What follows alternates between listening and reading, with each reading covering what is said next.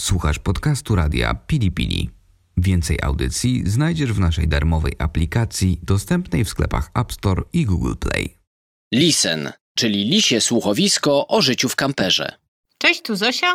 I Kuba. Jesteśmy Foxes in Eden, inaczej Lisy w Edenie. To jest audycja Lisen, czyli lisie słuchowisko o życiu w kamperze. Ponieważ dzisiaj jest pierwszy wtorek miesiąca, to cykl Śladami Lisów, odcinek numer 22 pod tytułem Trzy najlepsze noclegi w Macedonii. Nasza podróż kamperem trwa już 19 miesięcy i przez 19 miesięcy żyjemy w tym właśnie mobilnym domu i bardzo dużą uwagę poświęcamy na wynajdowanie miejsc, działek pod nasz dom, tak żeby te miejsca noclegowe były wyjątkowo urokliwe. Nie zawsze oczywiście udaje się tak, żeby te miejsca były do zapamiętania i do opowiadania o nich godzinami, ale dzisiaj właśnie zabieramy Was do Macedonii Północnej w kontekście tych miejsc noclegowych. My programowo nie zatrzymujemy się na kempingach, ponieważ wydaje się nam, że jednak taka swoboda korzystania z kampera, to, że można stanąć gdzie się chce, no jest największą atrakcją tego sposobu zwiedzania świata. No a kemping jest takim rozwiązaniem trochę na zasadzie ośrodka wypoczynkowego, do którego przyjeżdża się własnym domem.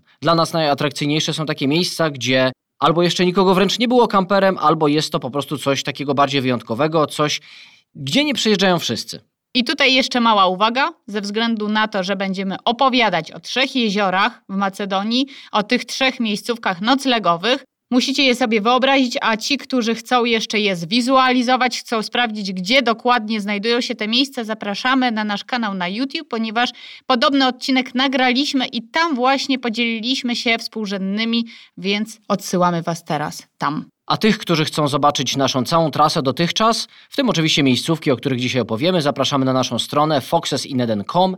Tam jest zakładka trasa i w tej zakładce właśnie można obejrzeć te wszystkie postoje.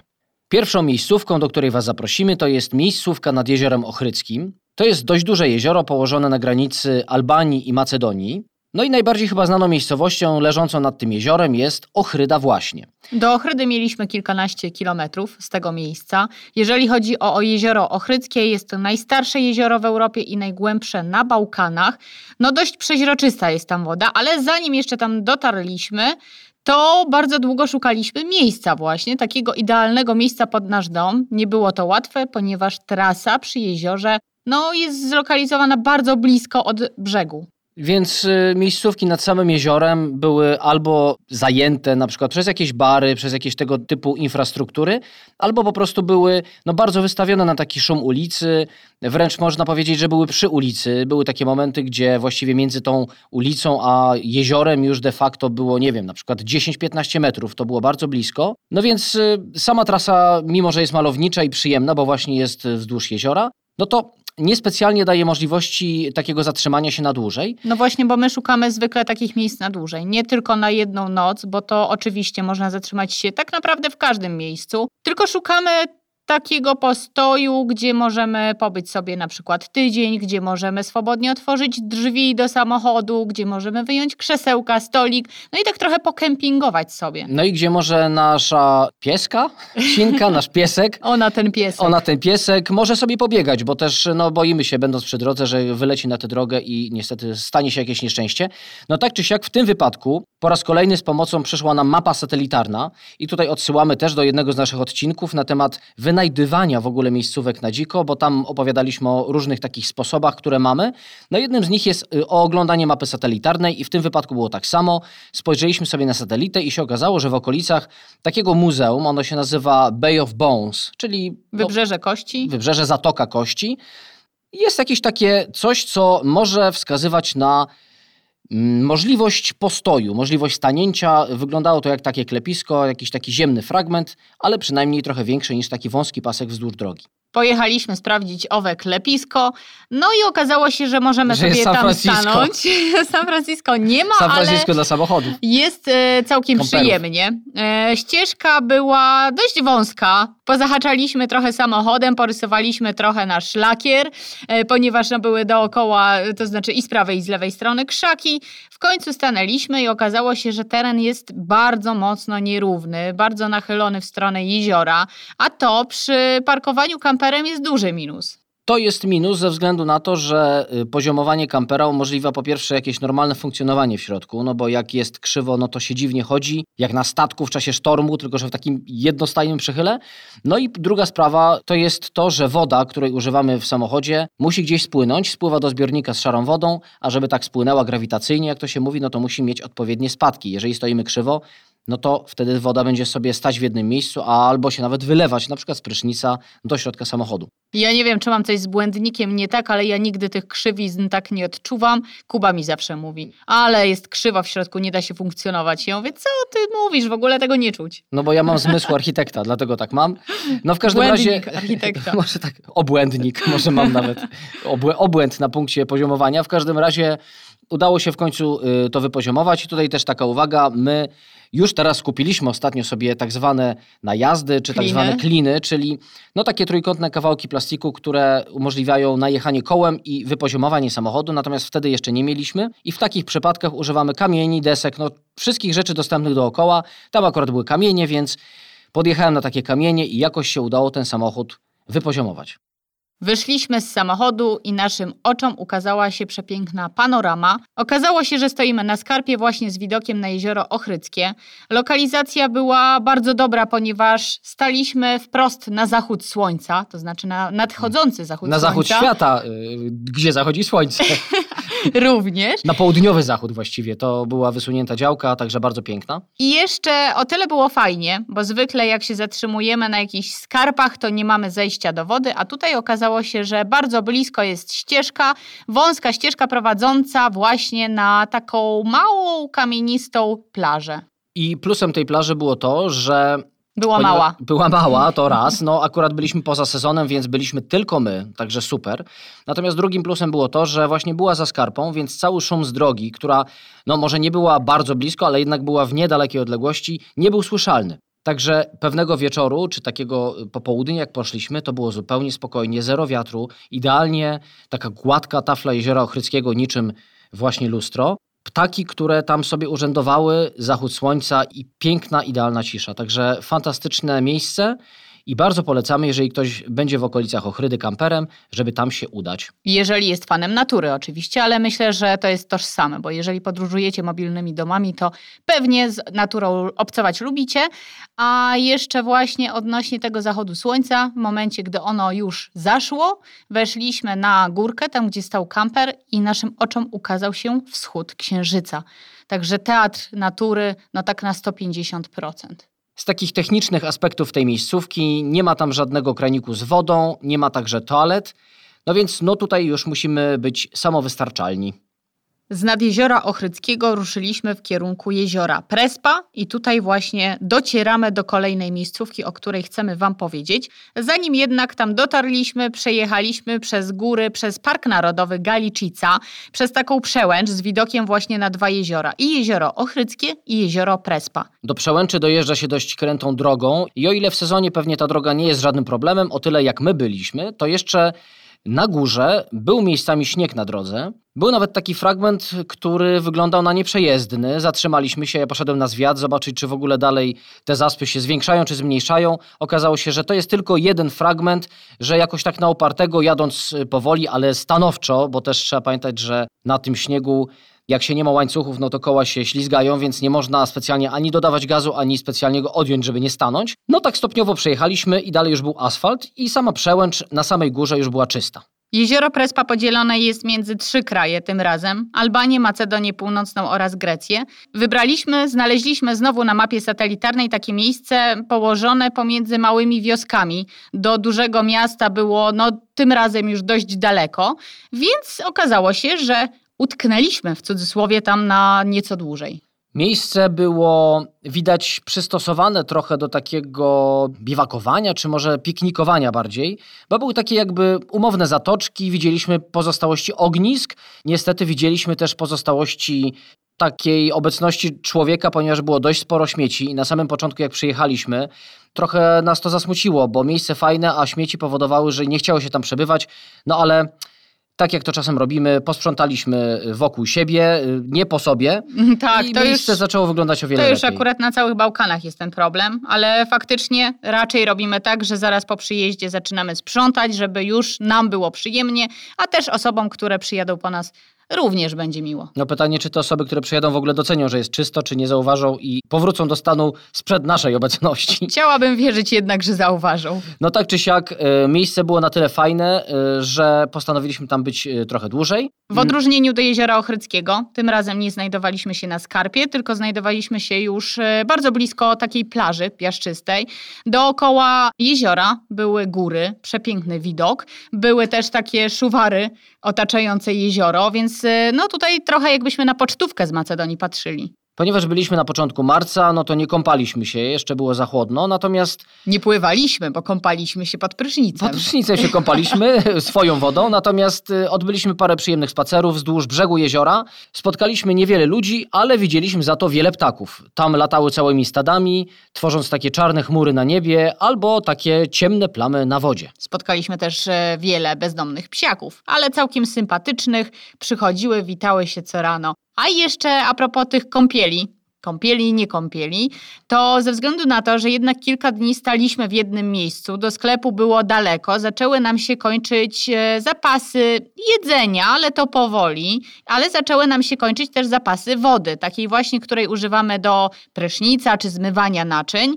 I odkryliśmy, że tutaj bardzo dużą rolę gra matka natura, która nam pomogła w tym, żebyśmy w tym miejscu mogli zostać trochę dłużej. I nie chodzi o to, że braliśmy wodę z jeziora, tylko chodzi o to, że braliśmy wodę ze źródła. Bo jak się okazało, w niedalekiej odległości od y, naszego domu, No w bardzo niedalekiej. no w bardzo niedalekiej, taki spacer 5 minut, znajdowało się źródło, które biło spod ziemi i nawet widzieliśmy, że miejscowi przyjeżdżają do tego źródła z bańkami. Więc uznaliśmy, że dlaczego mamy nie zrobić tego samego, więc codziennie rano szliśmy sobie z hippie na spacer i przy okazji braliśmy parę baniek wody i napełnialiśmy swój zbiornik z czystą wodą. Tak, i dzięki temu oczywiście mogliśmy po pierwsze przedłużyć nasz pobyt w tym miejscu, a po drugie mogliśmy codziennie na świeżo się umyć, albo właśnie nie na świeżo się umyć i być świeżymi. W związku z tym, że nad jeziorem byliśmy właśnie już taki dłuższy czas, zainteresowało się nami dwóch mężczyzn, a mianowicie panowie ze Straży Granicznej. Podeszło do nas dwóch e, panów, zapytano nas skąd jesteśmy, co tu robimy i dokąd zmierzamy.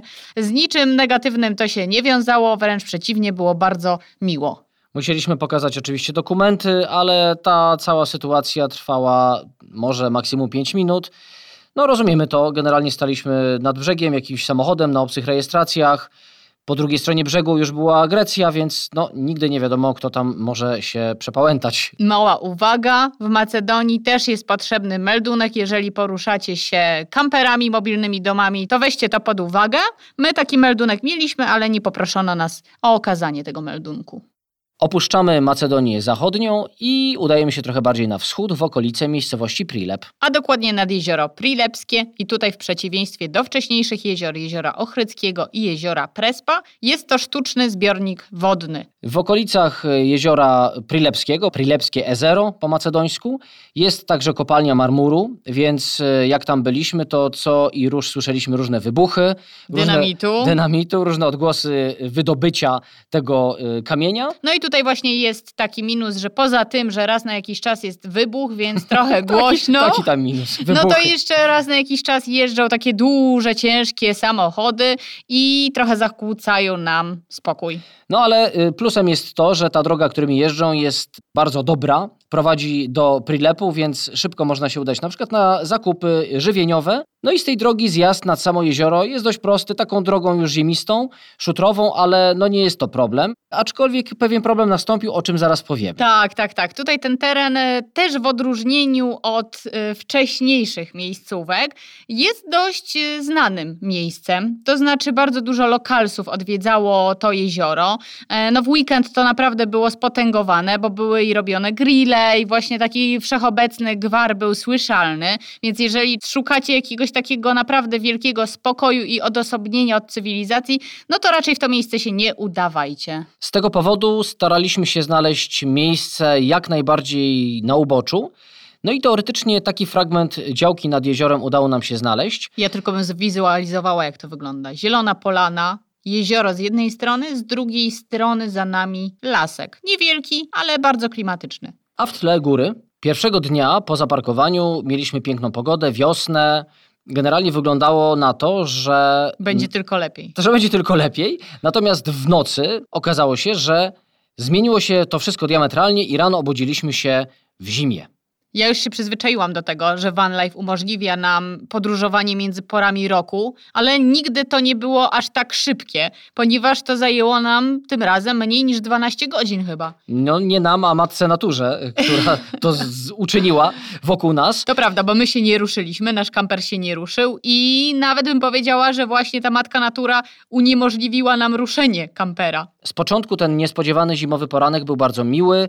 Nawet hippie się podobało. Nie wiedzieliśmy, jak zareaguje, bo ona wcześniej tyle śniegu nie widziała. Zareagowała bardzo pozytywnie. Spotkaliśmy nawet Martina. To był lokal, z który przyszedł z synem na sanki, co jest dość zabawne, no bo dzień wcześniej to raczej ludzie przychodzili tam się poopalać. Tak, podszedł do nas, zamieniliśmy kilka słów i zaprosił nas na popołudniową kawę do siebie, do Prilepu pobliskiego. Oczywiście chętnie się zgodziliśmy na to spotkanie. Lubimy takie spotkania na terasie, ale nie wiedzieliśmy jeszcze, że to będzie bardzo utrudnione, ponieważ po tym jak się rozstaliśmy z Martinem, postanowiliśmy zebrać wszystkie rzeczy w kamperze i przygotować samochód do jazdy. No i tutaj zaczęły się schody. Okazało się, że przez opady śniegu ten teren, na którym staliśmy, bardzo namógł. Zrobił się taki podmokły, można powiedzieć. Zrobiło się takie mokradło pod tym śniegiem. Koła nam się trochę zapadły. No właśnie, koła zaczęły się zapadać i jak y, zacząłem ruszać, no to one zaczęły się ślizgać na tym śniegu, więc próbowałem powolutku się wycofywać, y, żeby złapać jakąś przyczepność.